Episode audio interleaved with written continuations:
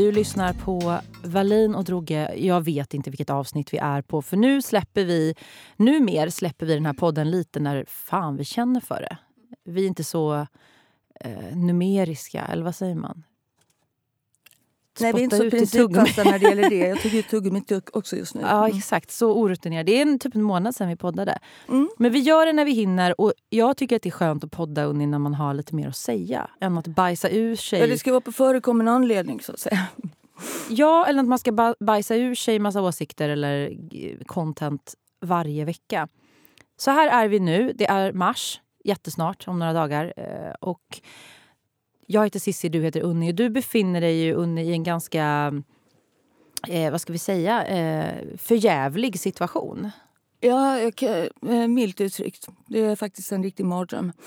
Och det är väl fint att vara öppen kring den. För det har vi redan varit nu veckan som har gått. Men innan vi börjar prata om vad som har hänt dig så tänkte jag bara referera till en liknande Ja, någonting som påminner kan jag säga om det som har hänt dig. Jag läste om journalisten Lotta Gröning hon är ju en gammal räv som har jobbat på ja, Aftonbladet och Expressen tror jag.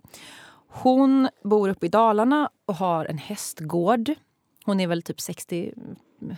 Är hon som dig kanske? Ja, kanske. Ja, 60 plus. Vet, hon kanske är 57, ingen aning. Men hon är liksom inte 22 i alla fall.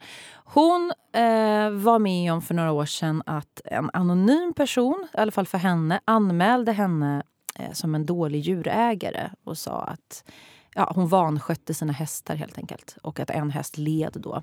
Och då anmäler man ju det eh, till Länsstyrelsen där man bor, i det länet där man bor. Och då eh, blev det en sån historia att det kom någon sån här djurskyddsinspektör hem till henne och skulle titta på hennes hästar. Det var framförallt en häst som då de hade fått eh, jag kan inte detaljerna, men poängen var att det var ingen häst som led. Alla hästar mådde bra. Det var en som var lite gammal och skruttig, men vad ska man göra? Skjuta den då? Liksom. Den, den var gammal bara och mådde bra, men var gammal. Så att det blev eh, en, en, vad ska jag säga, en fars där Lotta, då, som ändå är en etablerad mångårig journalist. Dessutom är hon väldigt opinionsstark. Ja, och jag kan ju inte säga att jag vet att hon inte har vanvårdat sina djur. Men jag har svårt att tro det i och med att hon har gått ut medialt. Dels att hon har ögonen på sig eftersom hon är en offentlig person på det sättet. Men dels också för att hon gick ut med det här och berättade det här i media när det hände för några år sedan. Och hon beskriver ju då det här scenariot av att bli eh, anklagad för någonting man inte har gjort på grund av väldigt lösa påståenden. Eh, och så sa var det inte en anonym anmälan? Det var en tips de hade fått? Ja, det var tips mm. tror jag. Mm. Eh, men sen så sa hon en sak i den här artikeln som jag läste, tror jag var i Dala-Demokraten, att jag har, hon har genomgått det här och jag tror att det slutade väl då. Sen vet jag inte vad som har hänt efter det. Att hon, hon fick, jag tror till och med hon JO-anmälde, eller förlåt, JK anmälde eh, alltså till justitiekanslern. Jag ska dubbelkolla om det var JK eller JO. Men den här eh, personen på Länsstyrelsen, eller hela liksom det här ärendet. Och fick Eh, de, de, jag vet inte om hon fick rätt i instans, men de skrev i alla fall av det. Och hon liksom fick behålla sin häst och allting. Men det var ju en mardröm såklart att gå igenom. Och hon sa en sak som fastnade hos mig och det är det här att jag kan förstå rättshaverister mer nu. Mm.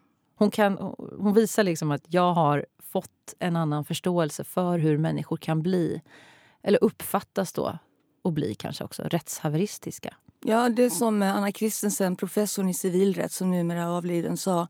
Att varje rättshaverist hade ju från början rätt. Är det så då? Ja, förmodligen är det väl så. Men sen blir de rättshaverister för de kan aldrig ge sig och de håller på med sina instanser och myndigheter och, och fastnar i det här. Det är en risk. Det ska man försöka akta sig för. Jag måste bara korrigera mig här nu. Efter att Lotta Gröning JK anmälde den handläggare som hotade avliva hennes friskförklarade häst har hon fått över 400 berättelser från andra med liknande upplevelser. Och då menar hon att det är rena trakasserier som Länsstyrelsen håller på med och som djurägare är man maktlös.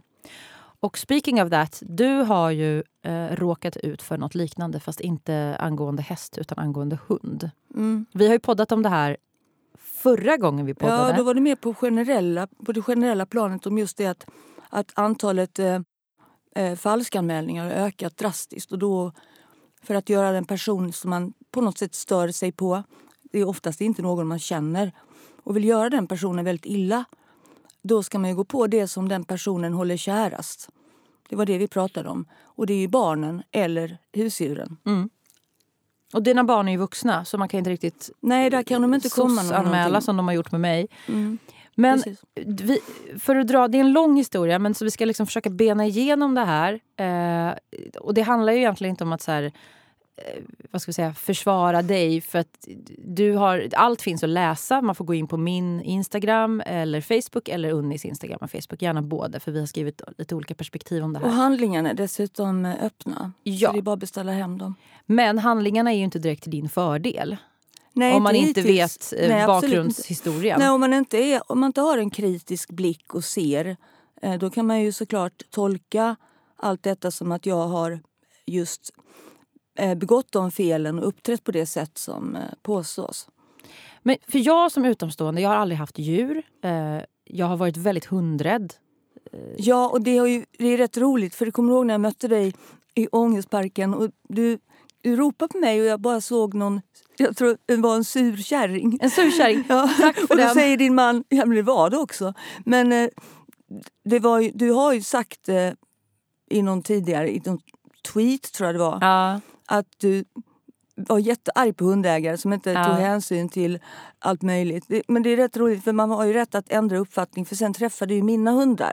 mm. Och det var Och lite andra då- hundar också. Ja, och det var väl lite Mm. då du liksom tyckte att det, alla hundar är inte monster. Nej, alltså det är ju en ganska irrationell rädsla. Nu är jag ju betydligt mer rädd för män. Det är fler män procentuellt som skadar och liksom trakasserar och hotar kvinnor än hundar. Sådär. Så att jag är mer rädd för karar än för hundar. Eh, och eh, ja, det, var det har lärt mig att lära känna dig och dina hundar. Det är ju att eh, en hund, som, som aldrig haft hund själv, jag har inte riktigt förstått det, men en hund är ju en familjemedlem. Alltså det har jag ju förstått rent så att säga, intellektuellt men har fått se det på nära håll hur en hund, eh, eller en katt eller en häst, men framförallt hund då, kan vara eh, som ens barn. Ja, och det, det är någonting som jag försöker få de som inte har hund eller som inte bryr sig om hund eller inte kan förstå det här att, för, att fatta. Man kan förstå, föreställa sig när man till exempel eh, träffar en person och någon typ av platonisk förälskelse uppstår då man bara behöver titta på varandra för att förstå varandra. Det är ganska sällsynt. När det inträffar då är det någonting som är nästan telepatiskt och väldigt, väldigt unikt. Och eh, det kan uppstå en sån relation mellan människa och hund. Inte alla hundar, jag har haft flera olika hundar. Men med hipster så blev det så. Vi fann varandra och så våra själar möttes. För hundar är, anser ju jag har en själ. Eh, Och det var någonting som bara löddes ihop vid det ögonblicket då jag hämtade hem honom som en åtta veckors valp. Så han betyder någonting mycket, mycket speciellt. Och om man inte har hund så kan man tänka på en person som man har just den relationen till. Hur viktigt det är. Mm. Jo men absolut. Och det... Vi ska, vad, ska vi, vad ska vi börja? Nej, men det som har hänt då är att du bor här på Södermalm. Eh, För folk som Tyvärr. Inte, tyvärr. Jag gör också det, tyvärr. Jag ska flytta snart. Eh, I alla fall eh, för ett tag. Nej, men det är väldigt trång, trångt, tätbebyggt, tätbefolkat. Det finns jättemycket hundar på Södermalm. Jag har ingen statistik i huvudet, men jag läste någonstans i förbifarten att det har ökat under pandemin. Eh, Att Ja, folk, det har ökat folk har skaffat, typ 30 procent. Alltså det är en enorm ökning. Och sen har ju skaffat hund. antal hundar per capita de senaste tio åren ökat drastiskt också. Det har blivit ett populärt, eh, alltså populärt att vara hundägare som en sorts... eh, Ja, en del har det som attrapper, men det har också gjort att det är en viss sorts hundägare som har ökat. Och det är en väldigt bra och köpstark grupp som exploateras hårt av veterinärkliniker som ägs av riskkapitalister och eh, försäkringsbolagen som tar skyhöga premier. Så det är en otroligt lukrativ bransch. Ja, alltså jag kommer ju från... Min mamma är var, hon är ju död, hon från Polen. Och där, nu är det ju annorlunda, men när jag växte upp när det fortfarande var så kommunistiskt och precis postkommunistiskt då hade man ju inte hund som ett sällskapsdjur eller som en familjemedlem. Man hade, eller det kanske man hade, men primärt så hade man ju hund som vakt. Ja, precis. man Eller hade katter som bruks. skulle jaga råttor i ladugården. Liksom. Ja, det var ju inte så här att man köpte små dunjackor till dem och liksom ställde ut dem. Utan det, eller små dunvästar som de har, en del hundar. Det kanske de måste ha, jag vet inte. Jag har aldrig sett en hund i dunväst i Polen. eh, utan det var lite såna här eh, skabbiga schäfrar som sprang runt och skällde som man var livrädd för. Så där kommer väl min rädsla. Eh, men det som då, om jag får beskriva din situation utifrån, du får stoppa mig om jag säger fel. Mm. Det är att du bor här, eh, du bor precis vid en väldigt stor park som heter Tantolunden. Eh, du går, eller har då gått när du har haft dina två hundar, där varje dag i stort sett. Eller så har du åkt utanför stan. Eh, Ja, det blev ju mer och mer så att jag undvek Tantolunden med allt eftersom. Men, Men början... du kommer liksom i din... Jag måste bara beskriva Mm, om folk som mm. inte har koll alls eller Mm. bara har hört något löst rykte. Unni är liksom en punkkärring. ja, men kvinna, du är ju en tjej också. Jag är också en kärring. Nej, men du har liksom... Ja, det var ju en sur kärring dessutom. ja, jag var en sur I kärring. täckjackskappa. Jag klär mig mer som en kärring än vad du gör. Eller jag klär mig, jag har en antistil. Jag är så här, trött mamma i yogabyxor.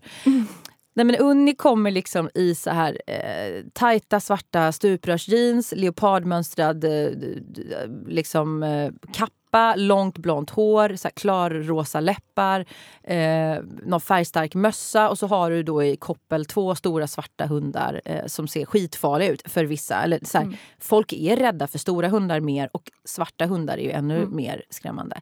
Bara den uppenbarelsen, och så kanske du har liksom nitar på ena hundens eh, koppel eller halsband. Bara den uppenbarelsen gör ju människor helt... Antingen blir man svinimponerad och fascinerad. Så vad är det där för spännande figur? Eller så blir man rädd eller ja, alla ens fördomar liksom kickar in. För det vet vi också att kvinnor över en viss ålder, eller kvinnor överhuvudtaget, men framförallt över en viss ålder får inte se ut på ett visst sätt. Hade du varit en så här lite korpulent, eh, sett ut som Ulla-Britt eh, med mathandsfrisyr och täckjacka. Inget fel på det. Men, Och haft två pudlar. och haft två små pudlar eller två små mopsar. Inte en jävel hade liksom blänkt på dig och provocerats av dig. Även om de här mopsarna skällde och var Och jättejobbiga. bet joggare i benet och sånt där. För Ja. det gör de ju ofta. Ja, små hundar är ju, det är min upplevelse i alla fall. De är ju bjäbbigare och jobbigare och kaxigare än stora hundar. De behöver hävda sig mer. Så det, där har vi dig. Vi placerar dig i den liksom, eh, kontexten. Bland de här människorna som också har hund på det här väldigt tätbefolkade området. Det är klart att det efter några år det har väl liksom eskalerat för dig att människor har börjat tissla och tassla. Ja, det började ju... Så hela, ja, precis. Men jag hade ju först bara en hund, eh, hipster. Och då var jag ju väldigt mycket uppe i den här hundrastgården i Santolunda där de flesta träffas. Och hipster har ju bara varit happy-go-lucky. Och han blev väldigt socialiserad också. Han fick träffa alla hundar och lekte med dem. Och hipster har ju aldrig gjort en fluga för när. Så då var det väl ganska lugnt. Och då på den, jag måste ju säga, det, det fanns ju en tid, jag ska villigt erkänna att det fanns en tid vi brukar kalla, alltså jag och andra vettiga hundägare, det finns ju också såna. Vi kallar det för oskuldens tid. När vi lät våra hundar, och det var ingen som protesterade, och det var stora hundar, springa fritt i Tantolunden och leka med varandra. Det De var, inte kopplade alltså? Nej, de var inte kopplade. Det var rottweiler, det var min hund, det var schäfer, det var labradorer, alltså stora hundar. Och eh, ibland så rullade en polisbil förbi och vevade ner rutan och sa ni kan väl i alla fall tänka på att vara försiktiga och koppla hundarna om det skulle komma folk hit eller var- om det var barn här. Absolut, säger vi. Och så rullar de bara vidare. Så det fanns en tid då det inte var så strikta regler utan då man räknade hundar som kopplade och man hade pli på dem och kunde kalla in dem och de kom på inkallning. Det kallades för mentalt koppel. Och det stod också i lagens föreskrifter. Men det inträffade någonting under sommaren 2018. Det var bland annat den sommaren också då Erik Torell blev brutalt skjuten i ryggen. Den här unga killen med Ja, Downs syndrom? Ja, precis. Han hade ju en leksakspistol. Och polisen uppfattade det som ett hot. Och det blev en väldigt uppmärksammad händelse den sommaren. Och sen var det ytterligare en händelse som väckte väldigt mycket rabalder. Och det var när en 15-årig pojke i Ljusnars, Ljusnarsberg blev... Det är så många som skriver till mig som kommer från Ljusnarsberg. Ja, det är Någonting i vattnet Jag där. kände Ja. så här, leta torp att aldrig, aldrig någonsin Ljusnarsberg. Det kanske finns jättevettiga människor där. Det gör det säkerligen. Disclaimer. Ja, Ja, men. Ljusnarsberg, det är inte de som är, det är inte Ljusnarsbergs fel. Nej. Men det var alltså en pojke som var 15 år som hemma i ett fosterhem där han var placerad blev ihjälbiten av en sån här Amer American Bully eller Staffordshire Bull Terrier. Jag vet inte vilken ras det var. Är det det som brukar kallas kamphund? Kamphund brukar Okej. de kallas. Och det blev ju såklart, den hunden bet honom så, så olyckligt så att hans pulsåder gick sönder. Så att ambulansen hann inte rädda honom. Och det är klart att det är fruktansvärt. Men den händelsen den väckte väldigt mycket eko. Och det var samma sommar, 2018. Och eh, då började polisen att eh, bötfälla hundägare som hade hundarna okopplade. Och det visste vi hundägare, så vi brukade ju vara försiktiga då med att ha hundarna okopplade på sådana platser där det fanns folk. Du märkte en, en markant skillnad Ja, då? alla pratade om det, alla, ber- alla berättade om det. Det var väldigt många hundägare som den sommaren blev bötfällda. Och ofta stod det då i, i lokalpressen att nu har polisen bötfällt en hundägare. Och så särskilt om det var en hundägare till någon typ av kamphund. Mm. Och då tyckte allmänheten väl att det var bra.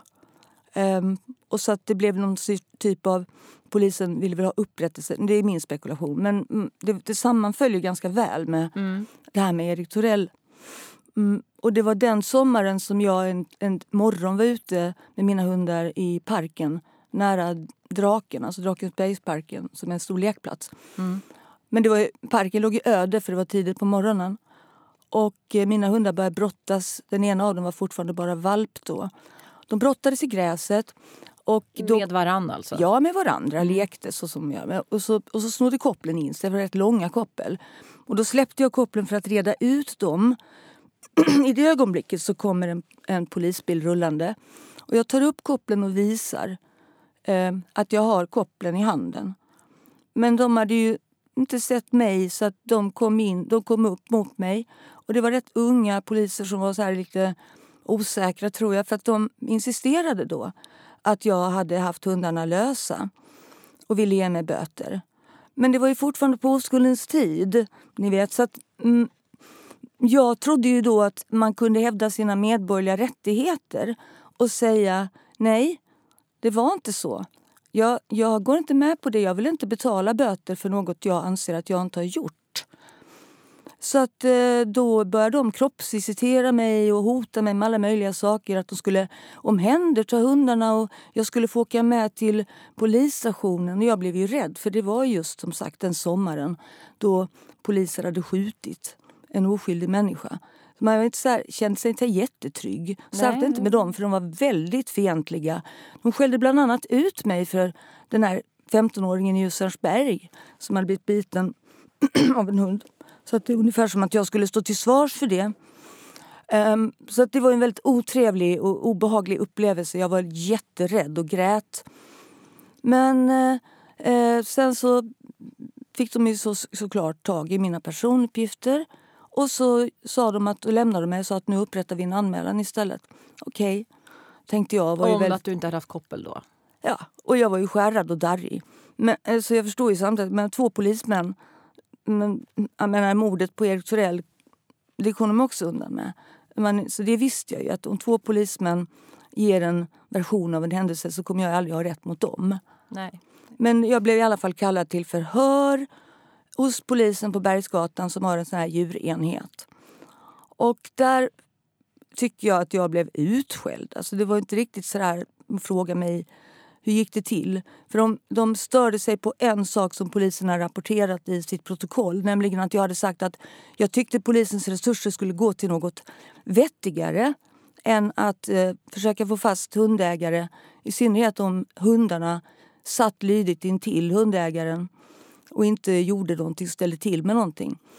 Och det hade de fastnat för och tyckte det var så oförskämt att jag skulle säga att de kunde göra vettigare saker. Men alltså förlåt, det får väl polisen höra varje dag? Varenda människa som blir var och varannan människa ja, man ska nog inte säga så. Jag kan varna allmänheten nu. Säg inte så. För att men de, De blir bara kunna, jättearga för de det. kommer bara säga det, det, är sånt, det är sånt folk säger när de blir upp, när de blir kränkt. Det är klart, jag, skulle också, jag, blev, eh, jag blev bötfälld... eh, Nu måste jag tänka. Om jag blev, blev jag bötfälld eller var det min kompis? Det var skitlänge sedan. Vi cyklade på Söder utan eh, hjälm. Och så cyklade vi mot rött. mm, Eller nej, mot enkelriktat. mm. Jag tror fan inte att jag fick någon bot för att jag på något sätt klarade mig. Hon blev bötfälld. Det här är ju typ tio år sedan. Men då var ju vi var rätt fulla också. Men då var ju hon skitarg. Och bara, "Jag lägger resurserna på lösa våldtäkter istället. Så det hör de ju hela tiden. Och det är klart att trafikpoliser gör ju sin grej och patrullerande poliser ska ju, ska ju bötfälla människor som kissar i buskar eller har hundar lösa. Bajsar och plockar upp Bajsar. bajset. Nej men jag fattar ju det. Så de borde ju säga, ja här är en person som känner... Nej, Bemö, det är ju kommunikation att vara polis. Att man ska kunna hantera att någon blir upprörd och affektiv och säga ja ja visst visst det tyckte du. Men att du liksom ska... Att det ska vändas Alltså emot jag var dig. inte affektiv för jag är rädd för polisen efter den här händelsen. Jo men de kanske, förstår du vad jag menar? Ja, att, jag började gråta. Jag var ju rädd. Men eh, det var ju inte förrän när de hade hållit fast mig ungefär 20 minuter som jag sa är det detta ni lägger era resurser på? För att just i det här området så pekar jag bort där mot den här väggen där det brukar stå rätt så många kriminella. Eh, här pågår brottslighet hela dagarna. Jag ser det jämt är ute med hundarna. Är det inte det ni ska ägna er åt om ni patrullerar parken? Och det, det kunde inte de smälta. Jag vet inte varför det blev en sån nej, men det var en sån manlig skörhet eller Ja, någonting. Men det kom Men okej, men då, då. erkände du typ fast du inte hade... Alltså du, du, du Alltså, säga, betalade boten liksom. Ja, efter förhöret så tänkte jag, jag insåg ju att det, jag kan ju, det här är inte någonting. Jag blev till och med kallad till förhandling, alltså rättegång. Och pratade med en advokat som jag kände och han sa nej men lägg ner för att man får aldrig rätt. Hundägare får nu för tiden heller aldrig någonsin rätt mot polisen. Det kunde ju hända förut men det fanns ju sådana här prejudikat att en hundägare hävdade att nej, jag har alltid min hund lös därför att den lyder mig och går bredvid mig. Men det gick inte längre, det är kört. Liksom. Så jag tänkte, varför ska jag hålla på med det här? Infinna mig till förhandling. Så okej, jag ringde tingsrätten och sa att jag erkänner bara jag får bli av med den här. Jag orkar inte ha den här, det här över mig. Jag betalar böten och ser glad ut. Och då fick jag en böteslapp på 1000 kronor som är jämställt med ja, parkeringsböter. Och det är en ordningsbot, det är inget brott. Och det här var sommaren 2018. Ja, det var sommaren Men- 2018. Det var augusti man- 2018. Så det, för det som har hänt efter det är ju... eh, Vi ska gå händelserna lite i förväg bara för folk förstår vad det som har hänt varför du är så ledsen och upprörd nu. I, för två veckor sedan så kom ju polisen hem till dig. En hel styrka kom hem till mig. Ja. Fyra, fem... Fyra poliser och en person som också var uniformerad från Länsstyrelsen. Hur ser Länsstyrelsens uniform ut? Ja, de ser likadana ut som polisuniformer. Okej. Men då kom de alltså hem till dig och hämtade din hund. Ja, helt utan förvarning. Och jag, för- jag, förstod, jag förstod inte vad som hände. För när man, när man ser att eh, det var, det var ju på förmiddagen, jag hade precis varit ute med hipster. För snuten har jag ju omplacerat, eh, eller försöker få honom omplacerad. Så han, han har inte varit hos mig. Han har inte varit hos mig flera veckor då. Så är det bara hipster och jag. Och jag ser polisbilen rulla efter mig i Tantolunden när jag varit uppe i hundrastgården med honom. Han har lekt med andra hundar. Men jag är honom kopplad, så att jag, för det, jag sköter ju mitt koppelåtagande. Så jag tyckte, men jag tyckte det var konstigt att rulla efter mig sådär. Jag, men jag kunde inte lägga ihop vad, det skulle handla om. Så jag gick hem och jag hade inte ens hunnit innanför dörren. Vi stod och lekte lite grann. hipsade och jag med ett rep som vi brukar. Och då ser jag uniformerade personer med polisemblem stövla upp för trapporna. Och eh, min första reaktion var att jag fick hålla mig i dörrposten för att inte svimma. För kommer poliser hem till en, då är det ju för att, oftast för att någon anhörig har förolyckats. Så jag und- undrar vilket barn som hade dött. Jag har fem barn. Jag undrar vem har dött? Och det var en sån fruktansvärd chock. Sen så sa de, nej det är dina hundar vi vill träffa. Då trodde jag också att det var att de ville träffa mina hundar. För jag har erbjudit Länsstyrelsen, ni får gärna träffa mina hundar. Och vara med dem och se hur de är. Jag, jag, för jag, I min vildaste fantasi hade jag aldrig kunnat föreställa mig det de gjorde. Så det tog lång tid för mig att ens förstå vad de var i färd med att göra. Men den manliga polisen tog Hipster i halsbandet eller i kopplet och lyfte upp honom från marken så att han eh, så hostade och eh, var nära att strypas. Jag sa nej, sätt ner honom. Han är inte farlig. Jag Och de skällde inte? Nej, han morrade inte ens. Alltså han var- viftade på svansen. Han är ju sån.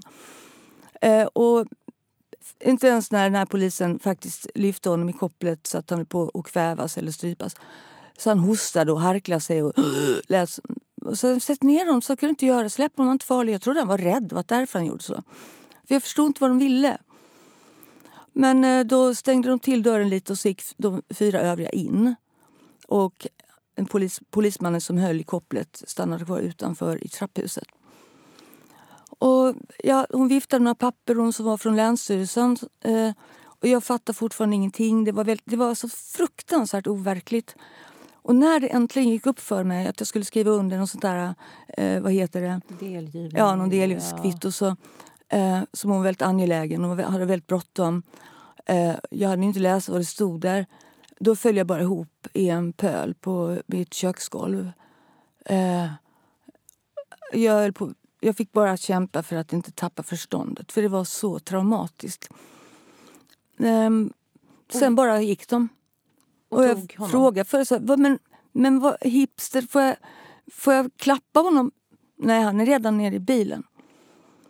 Eh, och det, var, eh, det, var, det var så hemskt. Det var det värsta jag råkat ut för sen mitt, min förstfödde son eh, fick cancer när han bara var åtta veckor gammal. Och det är fortfarande något liknande som jag kan känna eftersom man lever i en fruktansvärd mardröm av ovisshet. Och, och den gången var det en sjukdom. Den här gången är det ju, beror det på människor. Ehm, och då är det, är liksom, det är så oförlåtligt på något sätt. Ja, men om vi ska... Då, då undrar säkert folk, ja men för det blir den här... Ja, vad har du då gjort? Ja men Mm. så här, vadå? Det, så där drastiskt agerar man ju inte om det verkligen Nej. inte finns fog och det här är ingen rök utan eld och sådär.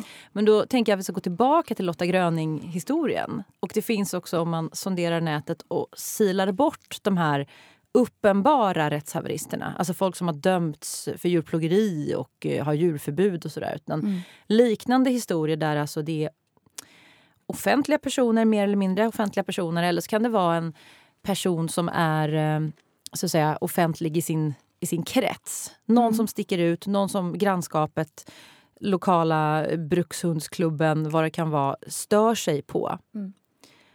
Och hur lätt det verkar vara utifrån den research jag har gjort om jag bara kopplar bort min relation till dig. Utan så här, jag har inga djur, jag kanske kommer skaffa djur. Är det så här, kommer det vara ett hot som hänger över mig? Att människor som ogillar mig, det finns det ganska många som gör, kan då börja ringa Länsstyrelsen och säga att hon, eh, hennes hund attackerar folk eller hon vansköter sina hästar eller hon plågar sina katter utan några som helst bevis. Eh, och sen så kommer de bara och tar mina ett eller två, flera av mina djur. Är, är det verkligen så det går till? För jag, menar, jag tänker rättssäkerhet, eh, allt det vi har pratat om metoo, att det är för fan inga kvinnor som får sina sexualbrott eller andra typer av kvinnofridsbrott. Eh, ja, men det går all, nästan aldrig vidare. För att rättsväsendet, eller om- det ens går till rättegång så... Ja, det, det finns, inga, finns inga bevis. Vi, liksom, vi måste hellre fria än fälla. Vi kan inte ha en, en rättsstat där vi dömer folk på hörsägen och sådär. Men i det här fallet, vad gäller djurägare, så verkar det inte funka likadant. Nej, egentligen så strider det emot eh, de principer och eh, lagar som just myndigheter har att rätta sig efter. Men Länsstyrelsen de fick ju eh, årsskiftet 2018-2019 hand om såna här ärenden som kom till polisen gällande tillsyn av hundar. De hade inte det innan. Nej, Det, blev liksom, det hamnade på deras bord. ja, de fick ta över det och det är väl antagligen för att polisen eh, kanske tyckte att det var ganska så på, påfrestande att hålla på och chef dividera om såna här, just de ärenden som nu Länsstyrelsen istället ska ta hand om. De har inte någon större vana så de får rapporter från polisen eh, om anmälningar som kommit in dit och så lämnas de över till Länsstyrelsen. Och eh, de är ju egentligen till för att skydda djur. Det är en enhet för djurskydd. Mm. Men eh, antalet avlivningar har sedan dess ökat drastiskt. Den kurvan har gått rätt upp. Medan polisen fortfarande hand om sådana ärenden så var en avlivning inte så vanlig. Men nu är avlivning något, någonting som förekommer betydligt oftare. Och, Men är eh, inte det för att det har kommit fler såna här eh, kriminella gäng, snubbar som har farliga hundar om man säger? Alltså det, just det där, den gruppen, den specifika gruppen som har just det och som använder sina hundar som vapen och som tränar kamphundar att slita varandra i stycken och eh, som gör att det kan vara svårt att till och med göra tillgrepp eftersom de hundarna är jättefarliga och tränade till det och skrämmer allmänheten väldigt mycket. Eh, så ville den här lagen, så den utredningen som låg, till, som låg till grund för den här nya lagen om tillsyn om hundar och katter den byggde på att man skulle försöka hindra eh, människors hundrädsla genom att just den här specifika gruppen skapade så mycket hundrädsla hos allmänheten. Mm. Så det var ett gott syfte i den utredningen som låg till grund för lagen. Mm, och eh, den här specifika gruppen var ju den som, även om den är liten, så var det den man ansåg man skulle kunna komma åt bättre. Genom omhändertagande och sådär. Men jag som inte har hund, alltså det, det är klart att det finns såna personer. Eh, men de måste ju ändå vara ganska få med tanke på vad är det, hur många miljoner hundar finns det i Sverige. Liksom. Jo, men de ansåg att de, fastän de var få så utgjorde de en så stor... Ja, men det, man talar om gängkriminalitet. Eh, att det är ett viktigt eh, alltså det är ett fenomen som skrämmer allmänheten väldigt mycket fast det är inte så många som håller på med det. Och det var samma sak här, att det finns kriminella, alltså kriminella grupper eller ja, vad som helst, knarkare, alla möjliga såna här som, som typ faktiskt inga kvinnor har, nästan. Nej. Ja, men de har farliga hundar och de vill att deras hundar ska vara farliga. Och de skaffar ju också en viss typ av hund och så skrämmer de hundarna allmänheten jättemycket och de bits och de ställer till med jättestor skada fastän det är ett fåtal som har dem. Och det var den gruppen man specifikt inriktade sig på. Mm. Ja, jag, fattar. Mm. jag fattar. Men din hund, eller dina hundar, har ju aldrig varit farliga. Nej. Och du har inte tränat dem för att vara farliga. Nej, Bara gud, vi, jag har fått en del frågor. Eh, jag skrev ju om det här på min eh, Instagram och Facebook nu i veckan. Det blev ju en väldigt stor grej kan man säga. Du skrev om det också, sen har Aftonbladet skrivit om det. Eh, massa olika skvallerforum på nätet. Jag ska skratta för ja. det är så råttan i pizzan. Är så, det är så fascinerande hur många det är som har en granne som har en tax mm. som har blivit attackerad av dina hundar. Mm. Nu börjar det bli, jag tror jag räknat, det är 12 personer som har en granne som har en tax som din hund har bitit. Usch, jag, jag Men det finns inga bilder. Finns inga, jag vet inte hur det är med er, men om jag eh, går ut i godan ro, eh, antingen med eller utan hund, och så blir jag attackerad. Jag eller och min hund blir attackerade av en, din hund till exempel. Och blir biten. Mm. Även om det bara så att säga, blir en, ett hål i jackan eller mm. ett liksom, blåmärke. Det första man gör är väl att dokumentera det här. Mm. Om man inte kan lösa det eh, i, så säga, på plats med hundägaren och så kommer man överens om så här, ah, ja, okej, okay, ja. det här var ingenting, eller det här var, det här, så här får det inte gå till. På oskuldens tid så var det så att man, man löste sådana saker ja, men civilt. Det, jag, fatt, jag fattar ju folk det som vill anmäla. Civilt. Jag skulle kanske vilja anmäla om jag blev attackerad av en hund. Absolut. om man blir biten av en hund, ja. Situationen liksom. Det beror jag skulle på... inte ha en hund som bet en människa. Jag har sagt det och jag är helt osentimental. Jag har sagt det hela tiden. Att hade jag en hund som någonsin hade bitit en människa. Eller om, en annan hund bitit ihjäl en annan hund för att hundar slåss är en sak. Men då är det ju hundar som slåss. Och det krävs två hundar för ett slagsmål. och det är ju enligt Fredrik Sten också som är en av Sveriges främsta hundpsykologer. Inte något onormalt att hundar slåss ibland. Det gör människor också. Men, menar, men att en, ha en hund som har bitit ihjäl en annan hund. Då skulle jag låta den somna in utan att blinka. Eller en hund som hade bitit en människa. För det ska vara ett tabu för hundar att bita människor, tycker jag i alla fall.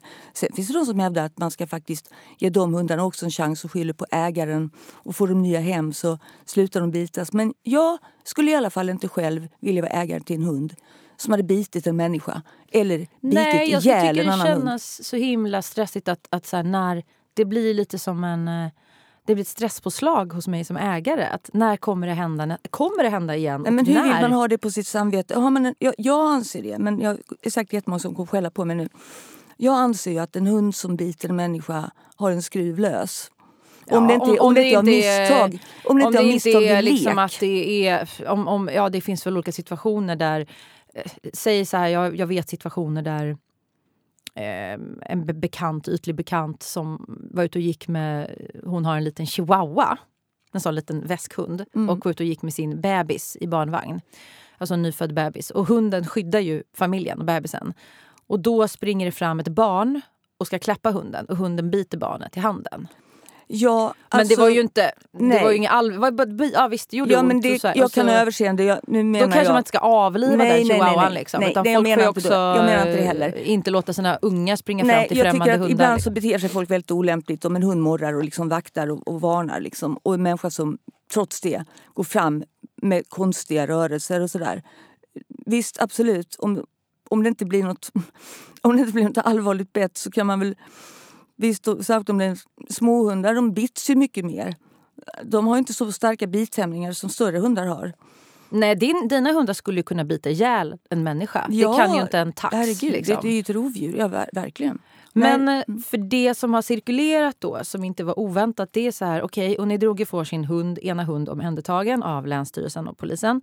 Den är på hundstallet nu, eller det är inte officiellt men det kan man ju räkna ut med röven. Jo, det den är på hundstall, men jag får inte veta. Det är sekretessbelagt vilket hundstall. Jaha, det finns flera hundstall, okej. Mm. Eh, och du har ju kämpat nu för att få... Till, vi, ska, vi ska återkomma till alla rykten och sådär. Men du har kämpat för att få tillbaka din hund såklart. För det är din älskling. Päls, pälskling säger Ja, man det väl? låter så, jag hatar hund, pälskring och styrkekram, alltså, men, men det är så att jag gråter mig till sömns varje kväll. Eh, Det, det går inte för, alltså, jag, kan inte ens tänka, jag vågar inte tänka på... Jag vågar inte titta på bilder på, på hipster. Alltså det, jag är så rädd och jag saknar honom så fruktansvärt. Så det, det, är alltså, det gör så ont. Och det är så plågsamt. Den här, ja, nej, så det måste jag säga att det är en jävlig... Jag trodde han skulle... Jag jag skulle få tillbaka honom när han genomgick det som man då gör, ett mentaltest. Ja, men precis. För det gjorde de ju förra veckan. Eller vad blir det? Ja, en, en halv Förra vecka sedan. torsdagen, eller, ja, då, då gick han ju igenom det utan anmärkning. Han var ju klassad som en icke-aggressiv hund. De hade då riggat upp situationer som skulle för, försöka föreställa de som står om i anmälningarna. Och det var ju ganska provocerande situationer. Han gick igenom det, var bara glad, skuttade, viftade på svansen. Eh, och som sagt, i det mentaltestet står det i protokollet att han är inte en farlig och inte en aggressiv hund. Och i det mentaltestet, det gör ju polisen. Mm. Du fick vara med. Och det, jag har många ifrågasatt som har skrivit mig. Man får aldrig vara med! Så bara, jo, ni, Jo, det får man visst. Här, ja, det, nej, vi hittade på det, att du var där. Nej, men du var där. eh, Jag var det där med ett vittne också för Ja. jag ville se att allt gick rätt till. Och du fick ju, inte, ut, du fick ju sitta och titta på då. Mm. Men, men i det här testet så ingick också att Hipster, din hund, fick träffa en, eh, möta en han, en polishund. Mm. En sån där schäfer. Mm. Och den, eh, han, Hipster, gjorde ju ingenting. Nej, han, ville springa, han sprang fram och var- viftade på svansen och ville leka. De hade skotttest. Alltså, de gjorde ju sån här som många hundar kan reagera väldigt... Det, var, det är meningen att testa hundens aggressivitet. Ja. Så då provocerar man ju fram ganska så starka och dramatiska eh, situationer. Men han... Han sagt, klarade det utan anmärkning. Och då eh, ringde du mig för en vecka sedan ungefär och var så här, Åh, nu, nu kanske mardrömmen är över, nu får jag tillbaka min hund. Men det fick du ju inte. Utan bara några timmar efter det här mentaltestet så får du ett mejl från den här handläggaren på eh, Länsstyrelsen. Mm eh, Linda Malmgren. Och folk är så här, hur kan ni säga hennes namn? Ja, hon är statlig tjänsteman. Det är ungefär som att en åklagare... Men det står i handlingarna, det är helt öppet. Jag menar att en åklagare utreder ett brott. Daniel Sunesson hette åklagaren som ledde min Mm. eh, för, förundersökning. Bara för att jag säger hans namn. För att man... Men vilka är det som skriver? Jag har sett såna också på mitt Ja men det är inte så här. Det- skicka hot! Bara, Är det inte absolut. myndigheterna själva? Det finns ju rätt mycket myndighetspersoner också. Ja men de är ju sådär lätt. Och jag förstår att det, att det finns hot, en hotbild mot myndighetspersoner. Det är fruktansvärt och det ska tas om hand. Och det är precis som att det finns en hot, hot som pågår mot journalister. Det är, det är demokrati, ett demokratiproblem. Men då får man ju jobba med det. Inte så att man aldrig ska få namnge eller uppmana människor till att sakligt kontakta ansvarig och ställa kritiska frågor. Vem ska man annars mejla? Nej men det är det ansvar myndigheter har. liksom. De, det, är det ingår i deras yrkesuppgift. Ja, så nu har vi rätt ut det. Men i alla fall, hon skickar ett mejl till dig och eh, skriver då att eh, i, i, bara några timmar efter det här mentaltestet att nej, han är visserligen då, eh, nu är han klassad som oaggressiv, icke-aggressiv, men han kan ändå inte komma tillbaka till dig för att du gör honom aggressiv. Ja, det är så märkligt resonemang. Det är ett resonemang som ingen eh, vedertagen forskning kan stödja. Tvärtom. Om jag nu har fostrat den hunden sedan han var åtta veckor och han har blivit så fredlig som han är, han är ju tjuren Ferdinand. Då ska väl jag ha, så här, det ska väl garantera lite grann att jag är lämpad. För om man hade haft en aggressiv hund då skyller man alltid på att det är ägaren som har fått hunden aggressiv. Men om man har en icke-aggressiv hund då ska ju samma resonemang tillämpas på det. Så att det blev som en, det var ju upp och nervända världen. Att om han, han kunde in- inte återvända till ägaren. För om jag eh, hade hunden så skulle han kunna då var risken mycket stor att han i framtiden skulle kunna bita både människor och andra hundar. Och han har ju aldrig bitit någon. Och det här, det som Länsstyrelsen, där jag börjar tycka så här att nu är vi på en väldigt rättsosäker plats. Det är så att Länsstyrelsen hon baserar den här bedömningen Så hon är ju helt mak- maktfullkomlig här. Du har ju inget veto om man säger. Du kan överklaga men Nej, de har inte tagit hänsyn till några av intyg, dokument och allt det jag har lämnat in. nej. Så att det här är alltså ett fastslaget faktum av en tjänsteman på en myndighet att du kan inte ha din hund eller dina hundar. Eller de har bara tagit en hund, vilket är väldigt konstigt. Mm, de skulle ju ta bägge två. Men de sket i att hämta den andra hos din kompis där Ja. han bara bor just nu. För att du orkar Alltså inte han bor med alla... tills vidare men visst, eh, nej då brydde de sig inte för så länge inte jag har hunden så ska det tydligen gå bra. Men vi ska prata mer om omplaceringen sen, för det är en del som undrar om det också. Men jag ska bara reda ut det här.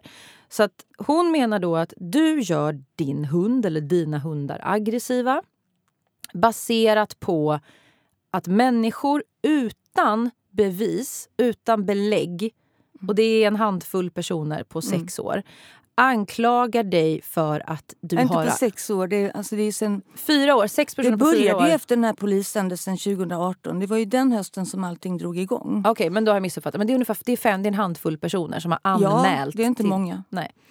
Och eh, de påstår då, eh, flera av dem påstår att du har, de har attackerats. De och deras hundar har attackerats av din eller dina hundar. Mm. Men det finns i, i noll av fallen finns det några läkarintyg, bilder, Mm. eh, underlag från veterinär som styrker det. Det finns inget filmat material där hund, din, din hund eller dina hundar går till attack. Finns ingenting. Så att hon har egentligen fastslagit att du gör dina hundar baserat på vad en handfull personer påstår utan grund. Jag vet inte, jag tror vem som helst kan få lite ont i magen av det och känna att det är ganska rättsosäkert. Att med den logiken så kan ju vilken människa som helst som stör andra personer. Det kan vara en offentlig person, det kan vara en ja, politiker, det kan vara en, vem som helst som bara retar upp ett, ett, eh, liksom, ett gäng. Eh, bli, vara med om samma sak som du. Ja, det är ju fritt fram eftersom det, det står i deras papper. De har grundat alla de här yttrandena och besluten på att eh, människor har sagt... De, de, de, hon redovisar också att vi, vi eh, har ingen anledning att betvivla de uppgifter som kommit in. Och Det är då uppgifter som, eh, som är påståenden, ofta alltid kryddade med hörsägen om att alla är rädda för mina hundar. De springer vilt omkring i hela Tantolunden och skrämmer folk och fä. Ja, men de har varit inne på dagis också, eller förskola. De Ja. har ätit upp ett barn. eller, vad- nej, men nästan. Det, det, det är, så. såna, det är riktiga skrönor. Jag kan säga, mina barn har hängt en del med dina hundar och jag ganska mycket, eller väldigt ofta, regelbundet. Eh, framförallt eftersom du bor där eh, mitt ena barns förskola ligger så Mm. har ju du hängt där mycket med när vi har hämtat så. Och du har varit hemma hos oss med hundarna och sådär. Så att, visst, jag har inte sett dem varje dag i din vardag men så pass mycket har jag träffat dem och min familj har träffat dem att så här, det är helt ofarliga hundar. Visst, de skulle potentiellt kunna vara farliga om du hade så att det säga... kan alla hundar bli. Ja, men då, om de får en psykos eller om... vad fan vet jag? Men jag har aldrig känt mig så trygg med hundar eh, som med dina hundar. Och då har jag träffat ganska mycket hundar. Sen har jag andra vänner som har stora hundar som jag också har lärt mig att känna mig trygg med. Eh, och kanske nu blivit mer vaksam mot såna här små hundar som folk inte uppfostrar. För att om du har en liten hund så... En del hundägare påstår det, eller många jag pratar med säger det. Eh, att man uppfostrar inte små hundar lika Nej, jag har ju strängt. sett små hundar springa fram och bita, bita folk och bita joggare i Men man tänker att det inte behövs kanske. Det gör Sen så är det klart nej. folk gör det också men jag tror att sto, storhundägare är generellt bättre på att eh, dressera och eh, så att säga, uppfostra sina Ja, man hundar. inser vad man har i sin hand. Och jag är en van hundägare. Man ska inte skaffa en sån här stor hund som min ras Cane Corso om man inte har hundvana. Det är inte så här, åh nu ska vi skaffa hund för första gången, vi kör en sån. Nej, det ska man inte göra. Vad har du haft för hund innan då? Jag har haft boxer som jag tävlade med på Brukshundsklubben och vann priser med. Jag har haft eh, en, en korsning mellan en den ser ut som en flatcoated retriever mellan en golden och en springerspaniel som så, så småningom blev en tjänstehund. Och jag har haft en schäfer som var vakthund när vi bodde på landet. Var Så har den jag haft farlig? stora hundar. Ät, åt den upp? Han, nej, Barn. nej, han var inte farlig. Jo, han, kunde, han, han, kunde, han tyckte inte om katter, men, men det var bonkatter. Nej, men han var inte farlig alls. Han, han jätte, var jättefin. Så, att- Men du har hundvana. Men det som händer sen då, det är att det här är det förra fredagen. Då får du veta att du kan inte ha dem för de, du gör dem aggressiv. Eller honom ja, aggressiv. det gäller ju bara hipster plötsligt. Ja. men, du gör eh, hipster. som är den fredligaste hunden. Liksom. Mm. Den, den andra hunden ska vi återkomma till också. Men du gör honom aggressiv. Och då ringer du till Länsstyrelsen och liksom i panik och bara vad händer nu då? Var, varför får jag inte tillbaka min hund? Och det här var i måndags va? Ja, för att sam, samtidigt med det här eh, som de då förordar i sitt beslut eh, nämligen att hunden ska omplaceras så har de hämtat information från eh, personal på hundstallarna. Vem det är får man inte jag veta för det är maskat. Där det står att Hipster han, är i, han har så mycket problem med sitt bakbenställning så att eh, han är oomplaceringsbar. Mm. Och då ringer jag länsstyrelsen, för då, då, får jag en hjärtattack. Då ringer jag till Länsstyrelsen, kastar mig och bara skriker. Jag måste träffa någon, måste prata med någon. För de är aldrig anträffbara. Eh, och då får jag prata med en tjänsteman på den djurenheten. Eh, en annan person än den här Linda? Ja, hon mm. heter Eliasson i efternamn. Jag fick inte tag på Linda, jag fick inte tag på någon. Men hon jobbar också där. Och då sa jag, nu har jag fått det här beskedet att han ska omplaceras. Samtidigt så är han inte omplaceringsbar. Vad betyder det då i praktiken? Ja, då blir det ju avlivning, säger hon. Mm. Och, så, och det är det ju. Så att jag är, jag är fast mellan de här två. Det här är ett moment 22. Så att han ska inte vara hos mig. Det går inte. Det är uteslutet enligt dem. Men han kan inte heller omplaceras på grund av vad de hävdar är någon typ av hälsoskäl men det här stämmer inte. Ja, precis. Då är det ju, även om, och det har ju folk gaggat om. Det är inget formellt beslut. Nej, men har ni någonsin haft med myndigheter att göra? Myndigheter är ju väldigt försiktiga med att ge en prognos överhuvudtaget om det inte är så att de redan har bestämt sig. Nej, men de har bestämt Annars att... säger de ju bara så här, ja vi utreder fortfarande, vi kan inte svara på några frågor. Säger de till dig, fastslår de att han inte går att placera, då är det ju bara avlivning som återstår. Ja. Även om du nu... inte har fått det liksom, i Nej, ett men dokument. Det är, alla fastnar på det och jag har försökt förklara det gång på gång. Det är så här också att Eh, det förelä- alltså de, de informerar ju också om vilket beslut de tänker eller vill fatta. Och så, har jag, så ska man ju då i demokratins namn få lov att yttra sig. Eh, och i samma ögonblick som yttrandet kommer in så klubbar de det beslut de har lagt fram. Och det har, jag tror att det har hänt kanske en gång på tusen eller mer. Alltså en gång tiotusen. Det händer ju inte att de ändrar beslutet när man har kommit med yttrandet utan det är det beslutet, det beslutsförslag man har fått. Och det har som, din advokat sagt som har jobbat med väldigt, Ja, hon väldigt jobbar bara med sådana ärenden så det blir det beslutet. Så man vet det. Och just när det gäller avlivning så eh, verkställs det beslutet och då har de rätt att verkställa det beslutet precis när det har klubbats samma dag. Ja, mm. och då kan, man, då kan man få lov att överklaga. Men tack så mycket för det. Och det vet vi ju. Jag läste om en man i Västerås, mm. som jag faktiskt har pratat med också. Eh, han var med om en liknande händelse som dig. Han hade retat upp eh, några i grannskapet för att han ja, bor i en liten ort, eller en, en ort i en ort där eh, alltså jag försöker sätta mig in i den här hundägarvärlden. Ursäkta mig, men det verkar vara ganska mycket konstigt folk. Alltså. Ja, jag skulle nästan vilja säga att hundägare är en diagnos. Det, ja, det kom från dig. Men visst, mm. nej, men så att, jag har ingen aning om han, den här killen som jag pratar med, vad han har för, hur han är som person. Men jag fick en, stabil, ett stabilt intryck när jag pratade på telefon med. Men han berättade att de kom och hämtade hans hund i höstas. En, eh, det var en, bo, en border collie. Border collie, precis. Tror jag. Ja. Det var ingen sån här kamphund-ish eh, farlig hund som man kan tro, utan en, en gullig snäll hund. Ehm, och då hade han då fått anmälningar och då hämtade de... Han hade två hundar. De hämtade den ena och när, när eh, inspektören då från Länsstyrelsen skulle ta... För hunden ville inte hoppa in i bilen. Han var rädd. Jag tror det var en han. Jag vet inte. Men den var rädd. Då sparkade inspektören från Länsstyrelsen den här, den här hunden i, på benet. Alltså mm. verkligen sparkade så mm. den skulle sparka in den i bilen. Det känns ju, då är ju rätt person på rätt jobb. Liksom. Och sen då så hävdade de, han höll på med precis samma process som dig. Mm. Eh, och få tillbaka sin hund så här, ja, de här människorna har anmält mig på helt falska grunder för att jävlas. Jag har, liksom, så här, jag har ganska mycket som styrker det här. Nej, det spelar ingen roll. Uh, nej, din hund, precis exakt samma uh, retorik. Så här. Den har uh, problem med bakbenet. Ja, för att mm. ni kanske sparkade ja. den i bakbenet. Nej, nej, nej. Det, det fanns ju inga bevis för. Så att de avlivade den här hunden eh, Mix hette den, och eh, kremerade den direkt. Han ja. fick aldrig någon möjlighet, den här hundägaren, att i höstas att... Eh, för han var så, jag, vill, jag vill att den ska obduceras. Ja, jag vill se liksom, varför avlivade ni den? Alltså, Nej, den, den är redan kri, den är krim, Jag ska inte skrämma upp dig. Men det ja, här den är historien är så vidrig så att eh, jag kan knappt tro att alltså, det, är, det är så hemskt att man fattar inte. Ja, side note, men, men mm. det här hände ju. Så att... Eh, du får det här beskedet och då känner ju vi, du, du ringer mig och är hysterisk vilket jag helt förstår. Vi måste göra någonting. Jag har ju följt det här i flera månader och du har valt att inte prata om det mm. offentligt mm. för att du tänker att nej men det blir bara värre, det här ska få ha sin gång, jag kommer få rätt. Jag vill inte reta upp de här myndigheterna, jag vill inte heller väcka ont. Jag vill, jag vill inte öppna upp för att alla de här trollen och ska komma liksom, krypa upp från, under sina stenar och börja eh, påstå en massa saker och spä på de här ryktena som har varit i omlopp som är orsaken till allt sammans. Så jag har inte velat liksom uppmärksamma det här. Jag har verkligen i det längsta varit väldigt tyst kring det. Men nu fanns det ingen återvändo. För att det är just innan beslutet. Om folk säger men det är inget beslut fattat. Nej men det säger länsstyrelsen. Ja, nej men det är just innan beslutet fattat som man måste agera. Ja Sen annars så har du en död hund som ja. du ska liksom försöka få upprättelse för. Mm.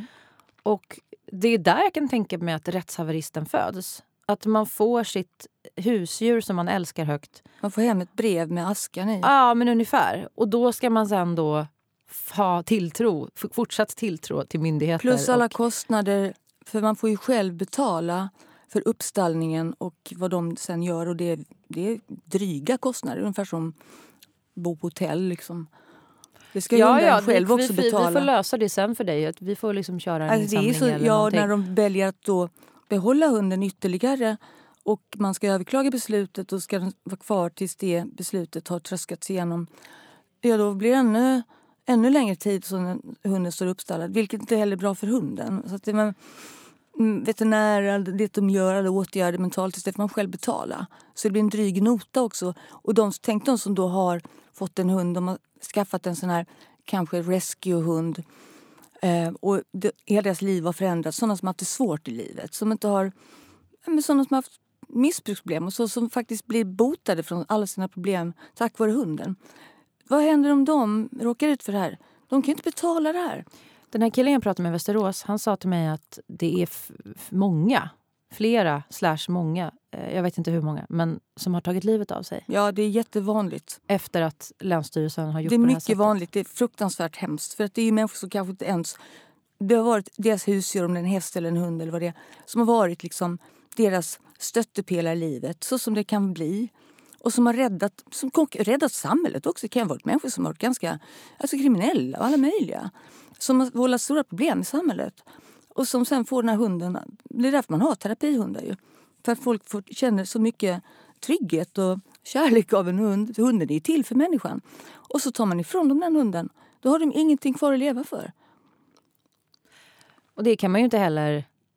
Ja, man kan ju försöka, men ska man då anmäla Länsstyrelsen till vållande till annans alltså det blir, De sitter på ett enormt eh, ett, en, eh, ett kapital med makt. Mm. Och man ska inte döma ut hela Länsstyrelsen. De gör säkert massa bra grejer. Men det här verkar ju vara ganska många fall vid det här laget. Vad jag liksom kunnat bena mm. mig fram till. Jag har till och med skrivit en bok om det. Om just eh, farliga hundar. Där det står om, om hundägares rättslöshet inför Länsstyrelsen. En bok som heter Farliga hundar. Mm. Carina jag... Malm heter hon som har skrivit den. Men du, vi har fått mycket frågor. Jag tänker vi ska vara öppna eh, den lilla tid vi har. Vi har en halvtimme kanske vi kan köta på här. Men varför har du omplacerat din andra hund? Ja, jag fick den frågan. Jo, för att eftersom de här anmälningarna och den här, det, det, blev ju, det växte ju mer och mer till ren förföljelse. Och jag såg ju också överallt på internet hur det rasades mot mina hundar. För det pratades ju enormt mycket om incidenter som kallade det. Som var extremt överdrivna. Hade det hänt någonting så var det ju inget speciellt att orda om. Men min ena hund, Snuten, han är en import från Belarus. Och han är ju mycket mer i enlighet med rasens beskrivning. Han, han är snäll och vänlig. Men eh, om en annan hund går på honom, anfaller honom, då, då ger han tillbaka. Och då, eh, då blir det liksom jag som får skulden för det. Eh, och vid ett enda tillfälle som har anmälts var det ju ett regelrätt hundslagsmål mellan min hund Men det beskrev och en annan. i förra avsnittet. Så ja, vi behöver inte dra hela det nu. Nej, vill man, vill man jag, höra det så kan man lyssna men, på det. Men, det är i alla fall, men kortfattat så var det, det den enda händelsen på parkbänk, det kommer ja. en kille med en sån här kamphundsras. Ja. Den visar tänderna till din... Till, ja, de ger upp liksom. Ja. Och det är bara ett par, par sekunders betänketid så att jag inte agerar. Ingen Han går bara rakt fram. Det brukar man inte göra. Man brukar ju gå runt. Men skitsamma, jag vill inte skylla på någon. Men de, det är två hundar. De gjorde upp om det. Min hund en vakthund, det var en kamphund. Det var ingen bra kombo. De hamnade i slagsmål, men den som blev mest skadad det var min hund. Den andra hunden fick väldigt lindriga skador. Eh, jag blev skadad genom att mitt finger choppades av som nu folk håller på att göra narr av. Tycker väldigt roligt. Ja, men de säger att det var din hund bet av ditt finger. Ja, nej, det var den andra hunden som bet av mitt finger. Men även, alltså, jag är inte ens intresserad av att utreda skuldfrågan. Är du säker det. på att det var den andra hunden? Jag är, jag är säker på att det var den andra hunden. Men den andra hunden skadade ju också min hund väldigt svårt. Ja, men även om det hade varit din hund som bet ja, av ditt finger. Om du försöker stoppa in din hand emellan. In, ja, ja, ja. Det är inte så att din hund då, om Man det var din hund som medvetet bet av ditt finger. Du, du, stoppade in eh, handen i liksom ett hundslagsmål. Ja, då, man ska inte göra nej. det. Men jag blev så rädd för att du den andra panik, hundägaren liksom. var, ja. han skrek att hans hund höll på att bli dödad. Men okej, okay, men så efter den här incidenten som var i maj, då kände du att du kan inte ha, för det har du sagt till mig att när du går med två hundar, det är liksom för mycket för människor. Ja. Alltså när du har dem i koppel också. Det spelar ingen roll ja, om du har ja, dem lösa nej, i hundrastgården. Om jag har eller... dem lösa i en hundrastgård så, så kan folk skrika ändå. Och jag slutade ju ha snuten lös någonstans för jag blev så rädd att någon annan hund skulle komma fram. För han, snuten är ju, han är ju fantastisk på det sättet. Han har ett otroligt vackert utseende. Eh, han är stor, han går med fjädrande gång som en puma. Han har spetsiga kuperade öron. Och andra hanhundar de, de vill ju mäta sig med honom. Det är inte du som har kuperat dem? Nej, det gör de i de länderna. Jag fick honom som valp. Men, men andra hundar vill ofta mäta sig med honom. Och då går de till då börjar de komma med och fientliga och hotfulla. Och jag, jag avvärjer så många hundslagsmål där andra hundägare inte ser vad deras hundar håller på med. Men jag orkar inte. Jag blev så nervös och folk skrek åt mig. För alla de här ryktena de liksom bara trappades upp och svischade runt överallt. Och de anmälde mig om de sett mina hundar lösa i hundras, alltså hundrastområden. Och jag blev så rädd och få Ja, men du var ju förföljd. Det var ju en man som, som följde efter dig ja. och filmade dig och fotade dig. Ja, ja, ja. Alltså, det, var ju, det, var så, det var så hemskt och det blev värre och värre. Så jag vågade knappt gå ut till slut. Jag, då tog, jag tog bilen och åkte. Jag har nästan inte varit i Tantolunden utan jag gick till något något jättekonstigt hundrastområde där bara berg och klippor och, och snår där ingen vill vara. Där pundarna liksom skruvar isär sitt stöldgods. Så det är bara massa skrot. Ingen vill gå där. Där kunde jag vara i fred. Eh, eller också åkte jag med bilen ut till Sätra och sådana områden. Där finns stora hundrastområden där alla är trevliga. Det har ju aldrig varit någon som har bråkat eller anmält mig från Sätra eller Nackareservatet eller från Hässleholm där jag var väldigt mycket medan min pappa levde. Medan jag var i Hässleholm eller jag till exempel anmäld för någonting som hade hänt med någon hund eh, som står här i pappren. Just det. Du blev jag anmäld ens, för något när du inte ens var här. Så ja. det var en annan hund då? Som ja. Man, ja. Okay. Men så då kände du till slut att nej, men jag kan inte ha hipster eller snö, jag kan inte ha två hundar på Söder. Det går nej, inte. det går inte. Så då, då omplacerar du honom hos en vän till dig? Mm. Det är inte jag. Jag har inte gömt en hund. Jag skulle aldrig klara det. nej, det är en kompis till dig som är van vid De vet ju det också. De, fick, de trodde mig inte först men de fick ju Adressen. Men då fick ju Länsstyrelsen när de skulle komma och hämta båda, för det ja. var väl planen. De, de fick skulle, adressen. Ja, de skulle dit också. Och, och det här är ju Stockholm, det är inte så att det är Jukkasjärvi liksom, utan det är en kvart med bil härifrån. Mm. Men, Men, så gjorde de ändå inte det. De kom ändå inte och tog honom. Nej. Så då faller ju lite hela tesen att du skulle vara för jag menar, du kan ju när som helst plocka hem honom om du vill därifrån. Det är ju inte så att du har fått ett förbud Nej. att ha honom. Nej, men hon, de sa ju det till mig, hon sa ju det muntligen, här Linda Malmgren, att nej men vi bestämde oss för att inte ta honom för att nu är han ju inte hos dig. Förutom ifall Men du är fortfarande registrerad ägare? Ja. Vi måste ja, hitta, vi, vi, vi letar efter ett permanent hem. Egentligen tycker jag det är fruktansvärt sorgligt att behöva gå så långt. Men jag gjorde det som en eftergift för att jag kunde inte ha det så här, min tillvaro helt förgiftad. Folk så lurpassade på mig. De hoppade fram. Alltså det var fruktansvärt. De kunde stå och blockera min väg. Eh, Nej, men jag har ju gått med dig. Jag måste ju säga det. Jag har tagit del av mycket som har skrivits på nätet senaste dagarna sen vi gick ut med det här. Just för att rädda hipster, rädda din hund som är omhändertagen och kan bli avlivad när som helst på jävligt mm. godtyckliga grunder. Mm. Eh, jag har läst liksom den här lavinen av hat som har vält fram och ryktespridning. Och då är det alltid det är just det, 12, 12 pers som har en granne som har en tax som din mm. hund har massakrerat. Mm. Och jag har faktiskt konfronterat vissa av de här personerna som har skrivit till mig eller liksom pingat in mig i olika kommentarsfält och sådär. De vill ju att jag ska se det de skriver. Då har jag börjat chatta med dem privat. Och bland annat en tjej jag skrev med som då menade, hon var väldigt eh, aggressiv i sin första kommentar, eh, att eh, ja, nej, men jag har en väninna då som har en tax. Det var inte en granne, det var en väninna. Och eh, den, har, jag, d- den blev helt söndertrasad. Hon använde det ordet. Den blev söndertrasad av Unni Droges ena monster. Okej, tänkte jag. Nu ska jag liksom hålla mig lugn. Så jag började fråga henne. Okej, men vi- när skedde det här då? Och söndertrasad? Det måste ju finnas massa journaler. Vad? Och desto mer frågor jag ställde, desto mer nervös blev ju hon. Och det slutade ju med att hon erkände för mig att "Eh, ja, det kanske inte var... Ja, den blev attackerad i alla fall. Mm-hmm. Ja, vad innebär attackerad? frågade jag. Hennes hund rusade emot och den blev helt den darrade i flera...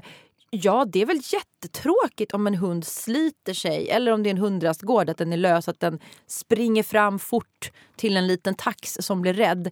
Men du måste ju medge att det är väldigt stor skillnad på det och att det uppstår en rädsla fast hunden bara ville hälsa än att du säger att den blev söndertrasad. Mm. Ja, jo men det var...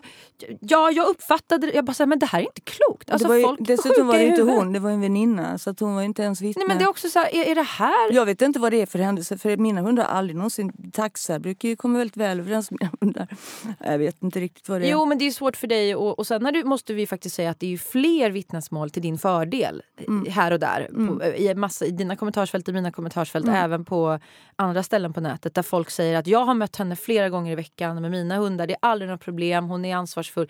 Så det är fler såna berättelser Ja. än de här. Och det är alltid folk som står upp för vilka de är.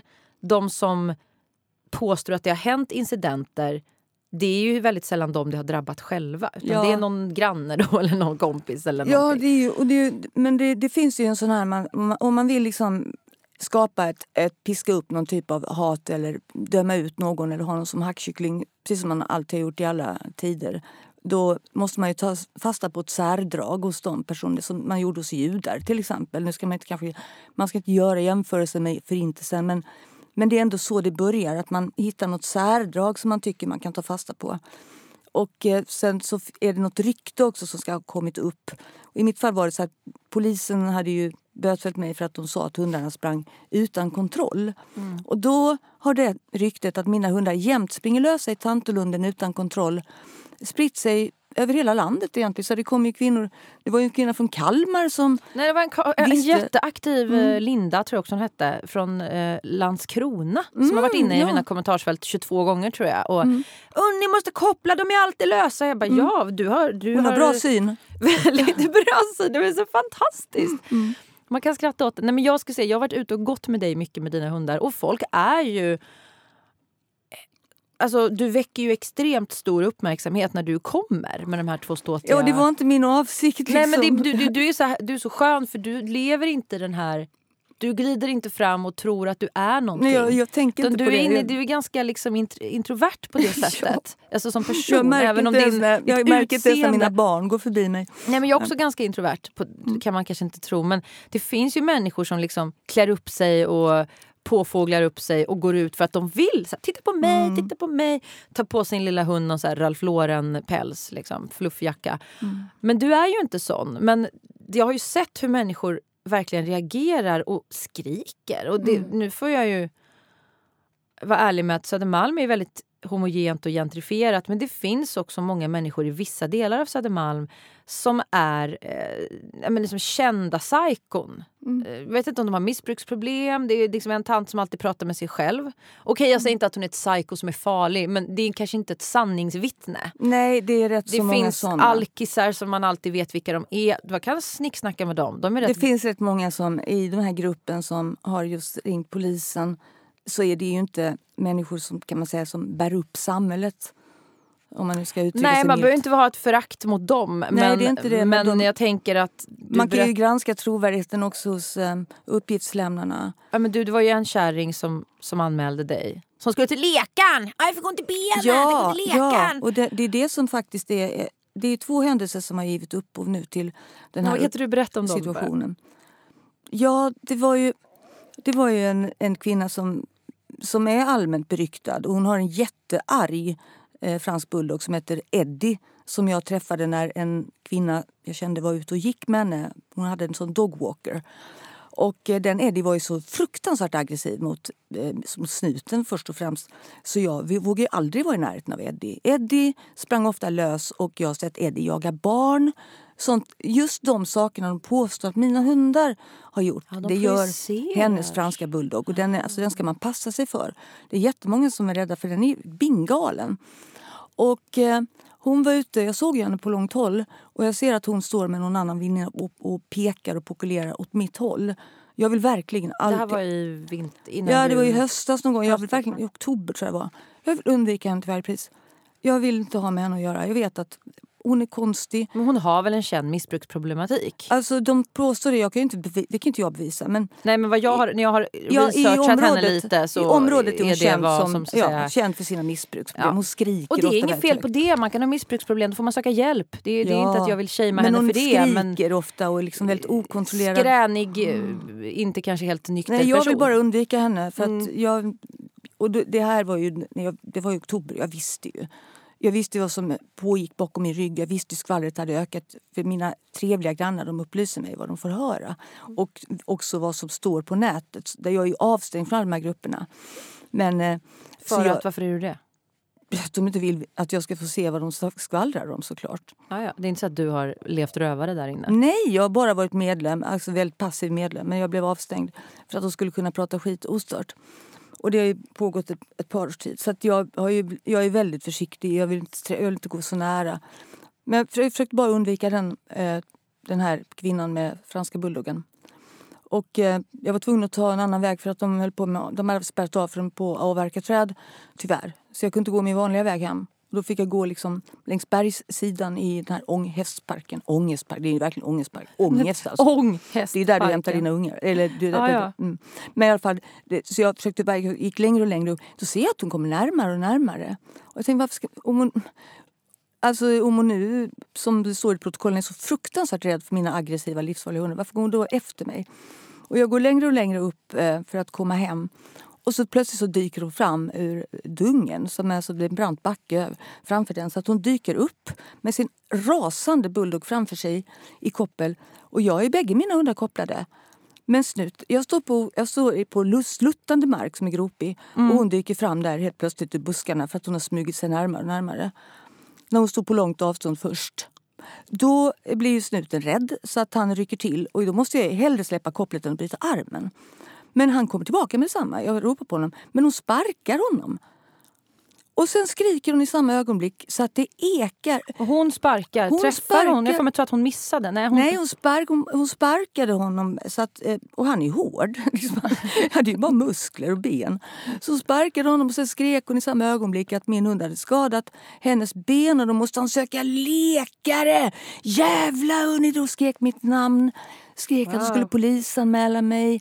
Så, vänta, om jag sammanfattar. En, en alkiskärring, förlåt, men en fyllkärring står och lurpassar på dig bakom en buske, typ hoppar fram. Kommer närmare. Och så Din- smög sig närmare. Din hund blir liksom rädd eller ja, rycker Ja, han, till och ska... han har blivit anfallen av den här bulldoggen flera Ja, gånger. Så han, han vack. gör inget anfall utan han liksom bara... han springer fram, men han gör ingenting. Han kommer tillbaka ögonaböj när jag ropar. Alltså, han ska kolla läget typ. Och hon sparkar han reagerar bara in på Han blir rädd och så springer han fram. Mm. Men det är ingenting mer. Ja, okej. ja, men det är en fantastisk historia på det Men nu sättet. står det i alla fall att hon, hon var tvungen att söka vård för sin knäskada. Men sen så står det vidare, men det står inte i deras eh, framläggande från Länsstyrelsen. Så det är, ju- det är ju ren lögn för att det står sen att hon hade sökt läkare som inte hade kunnat påvisa någon skada. Och jag såg ju när jag gick därifrån att hon gick alldeles utmärkt på bägge benen. Men då, då har hon skrivit att jag avvek från platsen utan att lämna mina uppgifter. Ja, Så hon visste ju vad du hette. Men vadå, din hund, ja. så vi reder ut där. Din hund rörde aldrig henne. Han bet inte henne, han Nej. nafsade inte. Nej. Hon fick ont i benet för att hon sparkade Ja. din hund Ja. för att hon blev typ rädd. Okej. Men hon säger att hunden sprang, sprang rätt på henne. Men jag såg ju att hon sparkade honom. Men liksom oavsett. Ja, men, oh, såna här situationer är ju sådär. Ja, ju ja man, man kan ju tro på vem man vill då Ja, man är men liksom utomstående. ändå men samtidigt så här, befinner man sig i ett område där det finns hundar. Det finns ju hundar som springer fram och bara vill hälsa. Jag säger Ja. inte att det är rätt. Jag säger inte att det är rätt att ha lösa hundar. Jag tycker man ska ha sina hundar Nej, så när kopplade. man är där det är fullt med folk och det har jag också lärt mig att förstå. Efter oskuldens tid, jag hade alltid hipster lös när han var valp. Han gick bara bredvid mig. Men liksom, jag menar, jag har också fått anpassa mig. Herregud. Om folk reagerar och blir rädda. Så, så, det är inte så att Jo, jag men det är ju är så här, är det, så jävla, det här är så fascinerande ur det perspektivet att jag tänker på hur många hundar som skadar människor varje dag eller varje år, varje vecka än hur många män som skadar. Var tredje vecka är det en man i Sverige, minst var tredje vecka, Mm. som kanske till och med var, var andra och en halv vecka nu, för det har ökat, en man som mördar en kvinna Mm. i Sverige som man har haft eller har en relation med. Eh, och så lägger vi till lite andra eh, våldsbrott begångna av män mot kvinnor på det. Det finns ju överfalls... Det är, inte, det är ju, en tredjedel av alla våldtäkter är väl liksom när förövare och, och offer inte känner varann. Så att det borde ju folk vara jättemycket mer rädda för. Mm. Extremt mycket mer rädda för än att bli attackerad av en hund. Alltså, ja, precis, så det, Så irrationell rädsla kan ju liksom inte styra. Nej, Då får vi ha att- koppel på karar också, hellre det. Ja, för att alltså, människors reaktioner är ju inte ett mått på situationens allvar. Utan människors reaktioner kan ju vara av olika slag och det kan bero på andra saker och historia och fobier. Men det är inte det som ska avgöra vad som verkligen har hänt. Nej, men jag kan ju, så här, folk bara du är, du är biased, du är, du är inte objektiv för det är din kompis. Nej, självklart. Nej, men det är bara att läsa handlingarna. Men samtidigt, ja det kan man läsa men de framstår ju som Nej, men att man du får är då, en... då, får man, nej, men då får man också läsa mitt yttrande. Ja, man får läsa alla handlingar. man Precis, måste ju kan läsa inte yttrandet som jag har kommit in med. plocka bits and Och det pieces. finns ju som sagt inga som, ingen som helst dokumentation. När de säger, det är två händelser. Där ena säger att de, eh, det står Länsstyrelsens rapport som underlag till beslutet. Att de fick söka läkare respektive veterinärvård för skadorna som uppstått. Men de Ja, säger... det, det var en annan incident med en man med en stor vit hund. Ja. Majonnäs, vad heter det rasen? Sabanjong? Sab, sabo, sabonäs? Nej, samojed. Samojed? En jättevacker Inte hund. majonnäs, nej. En jättesöt fin hund. Jag har inget emot den hunden alls. Nej, nej, men det var ju en, en, en man som mötte dig. Det var ju det var, det var i december väl? Ja. Då pratade jag med dig precis i anslutning till den händelsen. Du var ganska skärrad för det var en, var en 37, bor hemma hos mamma och pappa. Mm, det, Incel, det, ja. sitter i någon källare. Eh, han, din hund eh, slet sig och sprang och ville hälsa på hans hund. Jag hade, ja, jag hade ju bägge hundarna kopplade då för att jag, jag var sjuk och jag gick rätt över gatan, Ringvägen alltså. Så att det var precis när jag kommit över Ringvägen och nätt och jämnt nått eh, Tantolunda, parken. Mm. Så jag hade ju hundarna kopplade. Oavsett vad folk säger hade jag hundarna kopplade. Han påstod att det var snören jag hade kopplat hundarna med. Men det är tyska eh, vinylkoppel. De var kopplade och det här var en period där jag hade till och med kastrerat snuten för att få lugn och ro. Jag tänkte att det skulle vara bra om han, hans testosteronnivåer sjönk för då skulle han bli ett neutrum. Och kanske inte andra hundar skulle hålla på och han skulle inte heller ta, ta åt sig om andra hundar kom. Så det var ju också en åtgärd jag gjorde för att få lugn och ro. Men det, var ju, det, hade, det här var bara ett par veckor efteråt och veterinären har sagt till mig att det kan bli konstigt i början eftersom det är en kemisk kastrering. Så då kan testosteronnivåerna vackla lite, de kan både gå upp och ner. Och hon sa det kan hända saker, det, man vet inte riktigt vad men det kan visa sig på sätt som du kanske inte eh, kan vara förberedd på. Och då var det här en sån händelse. Där, där hans, hans testosteron låg lågt. Hipster blev överbeskyddande. De har haft en väldigt jämställd relation. Och den hunden såg i, den avtecknade sig mot Majonnäsen. den avte- majonnäsen avtecknade sig som, som en varg, fast väldigt vacker, skimrande i ljuset av de här lyktorna i parken. Och det såg verkligen så här fantastiskt ut. Liksom. Det var en så stark bild. Men hipster uppfattade det som en varg, för varg vargliknande utseende. Han och jag har till och med jagat bort en varg en gång när vi var i Skåne.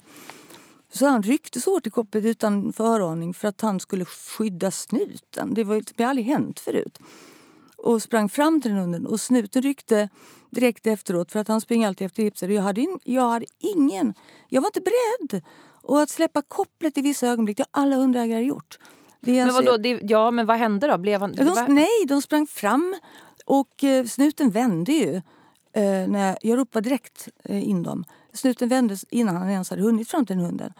Eh, hipster låg vid marken liksom, med rumpan i vädret. Och Men vadå, att bet de hunden? Skällde de? Nej, nej, nej. nej. Det, alltså, det, det De gjorde skällde hon. inte ens? De bara De ville... skällde inte, men hipster, ja, han, han kanske gjorde så här ljud, jag vet inte.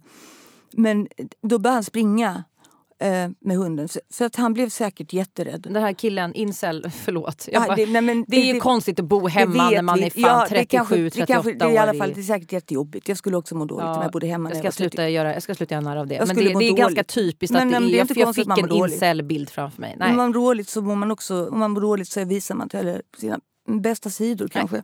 Nej men han, han blev ju säkert rädd för han började springa, lite konstigt. Men bägge, alltså Hipster kom tillbaka, jag hade dem i koppel och då står han och är jättearg. Och jag förstår att han blev rädd. Okej, men så du, dina hundar springer fram, eh, det händer ingenting. Det egentligen är det mer att eh, snuten, eller hipster i det här fallet, ville kolla läget. Det, han attackerade inte, han Nej. skällde inte. Nej, nej. Då har vi rätt ut det. Han har aldrig attackerat någon. Men sen då så, så fick du, till- de sprang tillbaka till Ja, dig ja, ja. väldigt snabbt. Den här hundägaren springer iväg för han blir rädd. Sen så står han och väntar på dig lite längre bort. Ja, han, ja, sen kommer han mot mig och, och, eh, och han skäller, skäller så det verkligen ekar. Han är jättearg. Och Alltså mannen skäller. mannen, ja, till den här hunden. Jag ser ju att hunden mår bra. Eh, så börjar han komma närmare, men det vill inte jag. För att jag vill ju skydda. Jag vet ju fortfarande inte eh, om det är någon fientlighet mellan hundarna. Så jag säger, men kom inte nära nu. Och så står han där på ett ganska, ändå ganska nära avstånd och närmar sig ändå. Och då ser jag att den hunden är helt okej. Okay. hund- det, det är en väldigt gullig hund alltså. Ah, den, den, den hunden har inte gjort något fel. Och jag tog ju på mig hela ansvaret och sa att jag är jättelätt, förlåt. Vad var det för ursäkt? Han var så arg. Och jag förstår att när män blir arga, eller rädda, så blir de arga. För Men de män som bor hemma. Jag ska säga Särskilt så, om man bor hemma så kanske man... någon sån passiv aggressivitet. Ja, fatta, då kanske man fatta då vara liksom inte erkänna 37, det. 38, närmare 40 och bo hemma. Vilken, vilken ångest man måste Ja, ha. Om man då inte är liksom typ en sån person som är handikappad och måste ha vård av sina föräldrar. Men det här är alltså en, jag kollar på hans Instagram. Det här är alltså en kille som är någon slags han vill framstå som någon världsvan fotograf som åker runt och fotar så här soluppgångar i, fjäll, Mm. Ja, soluppgångar just i fjällen och wakeboards och Ja. grejer. Så att det här är ju liksom, det- här verkar ju vara en människa som inte mår särskilt bra. Nej, jag kan tänka mig det. För då blir det ännu mer Jag tror faktiskt att de reaktionerna är ganska tydliga bevis på att man inte mår bra. Jag tycker att normalt funtade människor inte heller hoppar ut ur en bil och eh, fotar helt ogenerat. För det var ju samma man som sen fotade mig. Ja precis, den här incelmannen han, han eh, gjorde det här, vad var han skrek till dig? Och det hade du dessutom ett, dessutom ett vittne till som Ja. såg hur, han, hur aggressiv han var mot Ja, dig. han var faktiskt väldigt aggressiv. Och du tyckte det var obehagligt? Eller? Ja, det är klart. Alltså, jag har levt i en misshandelsrelation. När, när män börjar höja näven mot mig, då blir jag rädd. Men jag stod kvar en lång stund och lät honom avreagera sig. Och jag har full förståelse för att han blev förbannad. För, och också särskilt om män blir rädda. De vill inte erkänna att de blir rädda. Utan istället blir de jättearga. Men jag, jag så bara tog emot det. Jag, jag, hade, jag försökte inte på något sätt. Jag sa, jag sa till honom att jag kan förklara men han vill inte lyssna på det. För jag förstod ju liksom vad det handlade om. Att det var den här inbördes balansen mellan hundarna som, hade, som tillfälligt var satt ur spel. Men det rättade till sig. Det rättade till sig under nästa vecka och jag skaffade specialsel och tipsade också att det skulle vara en möjlighet för honom att slita sig från kopplet även om man så hade velat. Han gör aldrig det annars. Men det hände inte igen och eh, selen funkar. Alltså, Men- Jag gjorde allt jag kunde. Ja men den här mannen då, han följde efter, han nöjde sig inte där. Nej. Utan du bad om ursäkt och, och ingenting hände, Ing- ingen fick några skador, allt var lugnt. Ja. Och sen så började han förfölja dig med sin bil. Det, jag vet inte om... Ja, det, det har han väl antagligen gjort då. Men, Eller eh, vad då, vad hände? Liksom? Nej, men jag, gick ju, jag går ju varje morgon till det här skräpområdet som jag berättade om som är väldigt oländigt. Men det är ett ganska stort hundrasområde nedanför SÖS som bara klipper, knappt de kan gå där. Alltså, det är det är livsfarligt. dit du att gå släppade där. med mig en gång eller när jag höll på att bryta, bryta foten. Eh, Nej, det, är- det är värre än där. Det är värre nu, okej. ja. mm. Jag vill Nej. inte följa med Ja, det är, nej, jag, det är ingen som följer med. Det, jag har tagit med någon ibland som blir jättearg på mig och bara trott att jag vill mörda dem. Ungefär. Nej, så det är ingen som går där. Men Du det, kan ta med alla de här hundägarna dit. Kom, jag ska visa ett trevligt så, ställe. att de, så att de Förlåt. förolyckas. Ja, precis. Fortsätt. Nej, det, är verkligen, det är verkligen väldigt få hundägare som vågar sig upp dit. Men det är i alla fall ett officiellt hundrasområde som är skyltat med en sån typisk skylt. Här börjar ett hundrasområde. För att, komma till, för att kunna komma upp till berget så passerar man, för det är, stup överallt, så passerar man alltså en liten snutt av en parkeringsplats. Där det brukar stå containers och byggfuttar och sånt. Mm, och eh, då, då hoppar en man ur en bil. Och det, det är ju han. Men jag visste inte att det var han först. Och står med majonnäsen. inställmannen som du har kallat honom. Mm. Majonnäshundmannen. Ja. Majonnäsmannen mm, och hoppar ut en bil och ställer sig att fotografera. Och det är ju, det är ju vid den tidpunkten att det, det rör sig ingen i det området då. Alla som åkt till jobbet. Så, så bilarna står där, det är tomt. Och då reagerar mina hundar sådär som man gör med nyfikenhet. De går fram för att kolla och han är väl kanske liksom tio meter bort. Och jag går ju såklart efter också. Jag först ropade jag så här, vad gör ni liksom när de gick bort dit? Men det var, de gick bort och jag går efter. För jag vill ju fråga honom vad han håller på med. Jag tycker liksom inte att det är normalt att ställa sig och fota någon utan att förklara. Nej. Jag tycker det är ganska oförskämt. det är ett ganska konstigt Jag tycker synd att inte det fortfarande räknas som integritetsbrott. För jag tycker det är rätt obehagligt faktiskt. Så jag gick fram till honom för att jag ville fråga varför, varför står du där och fotar mig? Men då hoppade han in i bilen och fräste iväg igen. Sen får jag samma dag en lunta från Länsstyrelsen där dessa bilder också ligger som ett slags komplement triumferande. Att titta där, nu, nu är det bevisat att hon har sina hundar okopplade. Men då, då hävdar jag att det är ett hundrastområde. Mm. Men det vill de liksom inte riktigt tro på. Fast Men jag, du har väl till och med målat ut på en karta? Ja, ja, ja, så jag, ja visst. Det går att se. Och, ka- och skylten står väldigt tydlig där. Men jag har fått skäll många gånger förut när jag har var- varit där av konstiga människor som säger koppla hundarna. Och jag säger fast det är ett hundrastområde, du kan läsa skylten. Men alltså, jag, jag brukar koppla ändå då när folk blir arga. Även om Ja, ja, så vi har han, incelmannen och vi har fyllkärringen Mm. som, som stod och lurpassade och hoppade fram från en buske. Det är de två som har anmält dig det senaste året. Och de kan inte dokumentera några skador för då påstår ju den här incelmannen också att han så, blev så svårt skadad så han inte kunde sitta ner. Men då, då, måste, då frågade ju alltså Länsstyrelsens de som, alltså de som intervjuar handläggare ska fråga dem då vad har hänt för de är an polisen först. Eh, vad var det som hände? Ja, då, och då säger har du varit hos veterinär? Nej, jo, eller han skulle. Och sen så kom det åter en rapport där jo, han hade varit hos veterinär men veterinären kunde inte konstatera några skador. Nej, just det. Nej. Men det finns inte heller några intyg på att de här två personerna har besökt varken läkare eller veterinär. Det kan man också begära in då. Ja, jag, ja. jag tror för egen del inte att de har gjort det. Jag tror inte de har varit hos läkare eller, vet- läkare eller veterinär. Men, eh, Men de var i alla fall inga skador konstaterade. Nej, nej, okej. Inga skador. Så att jag menar, de här händelserna... Incelmannens mamma var för övrigt Ja, hon var där. Hon i kommentarsfält. hon- hon precis Min son! Min 38-åriga son! Då kunde inte jag vara tyst. Han fick, vrida, hon fick, han fick vrida loss hundarnas käkar. Vad var hon skrev. Ja, jag kommer inte ihåg. Men, men jag sa till slut att det finns ett vittne till den här händelsen. Mm. Din son var väldigt aggressiv. Jag förstår att man vill tro på sina barn, men sen fick jag inget svar. Vi ska avsluta. Det här är ju eh, en fruktansvärd situation för dig. Eh, Vi ber till alla gudar att det löser sig. Ehm, Alltså jag vill tillägga en sak. För att Ja. jag vet att det finns människor som tycker så här, ingen rök ut eller, eller så här. Det är en, en rad påståenden och det finns ju det här, förlåt, det envisa ryktet att mina hundar springer vilt omkring i Tantolunden. Det är, något som är, det, är- det är på något sätt en myt som upprepas överallt. Så det vet ju folk i Kalmar och Landskrona också. Landskrona. Det Men alltså det- dansbandsturné. De springer inte Från lösa Kalmar utan, utan att ägaren syns till. Alltså det är samma sak som upprepas. Och det är en upprepning som nöts in i folk. Som de hänvisar, alla anmälare hänvisar till det. Mina hundar syns jämt springa lösa i Tantolunden utan uppsikt, utan kontroll. Det är inte sant. Det finns tusen personer som kan vittna om motsatsen. Nej, ingen har sett mina hundar springa löst vilt omkring i Tantolunden. Möjligtvis härstammar någon händelse när vi hade våra lö- hundar löst springande i Tantolunden från oskuldens tid. Men det är i så fall Den är förbi. den är förbi, ja. Definitivt. Men jag vill också säga att det är inte så att mina hundar är helt felfria. Att de aldrig skulle kunna bära sig dumt åt. Jag tycker det var dumt när de sprang fram mot den här samojedhunden. Och jag, jag tog ju på mig skulden för det. Men det viktiga här är att inget skada skedde. Mer än men- att någon blev rädd. Men det som är så otroligt frustrerande i det här eh, det är ju att det är så många som har hört av sig till mig sen jag gick ut med den här eh, historien i, för några dagar sedan och berättat om hur de förgäves har försökt att anmäla till både polis och länsstyrelse. Typ en sån här hund som den här mopsen, eller vad var det? Eh, Eddie, vad var det för liten hund som bet folk? Ja, precis. Ja, men även större hundar som faktiskt är farligare då. Ja. rent. Folk anmäler eh, pundare som har eh, schäfrar som liksom attackerar folk. De anmäler, anmäler gängkriminella män som har kamphundar Mm. som är skitläskiga och uppenbarligen också attackerar folk, skrämmer barn. Ja. Det händer ingenting. Det är så många som har skrivit till mig. Jag har fått liksom bibbor med dokument som jag har börjat titta på.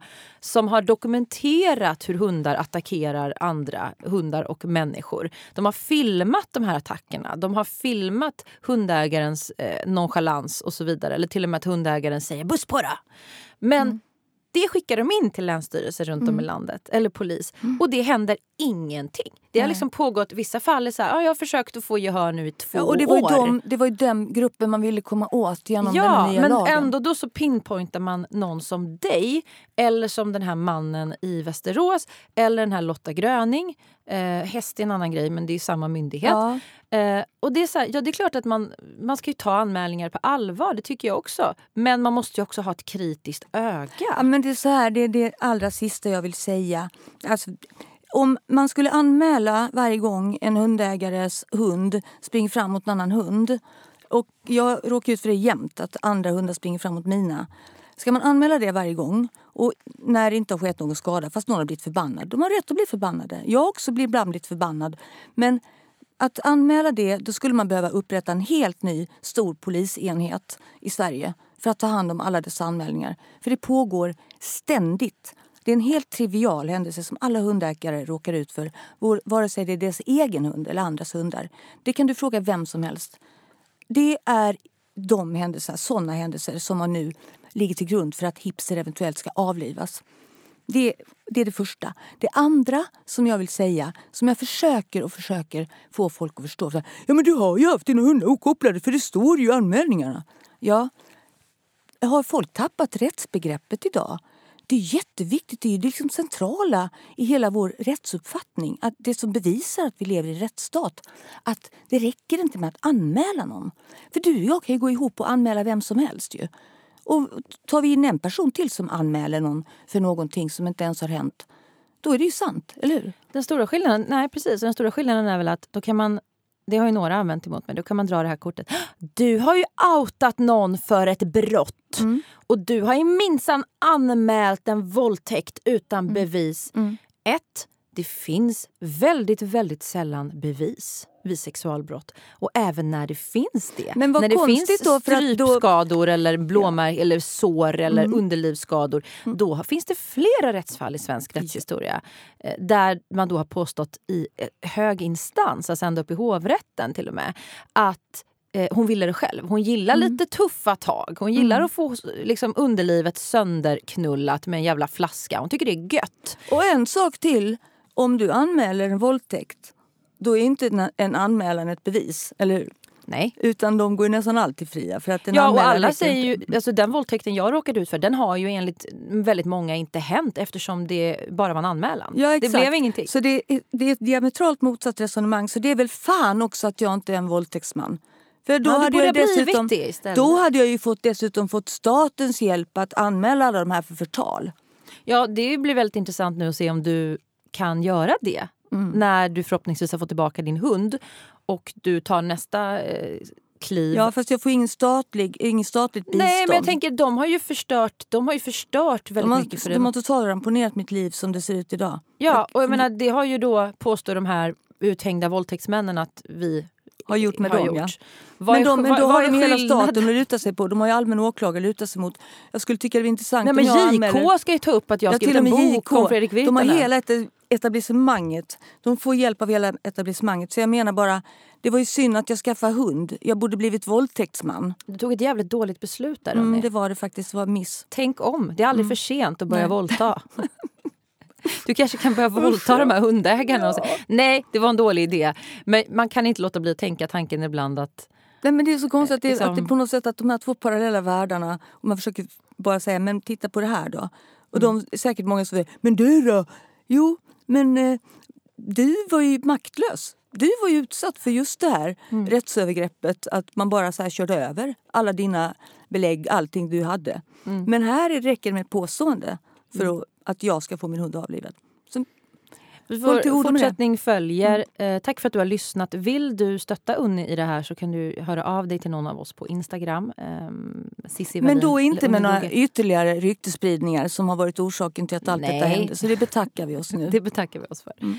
Tack för att du har lyssnat på Wallin och Droge. Vi hörs eh, om ett tag igen. Ha det gött! Tack för att ni lyssnade. Hej då.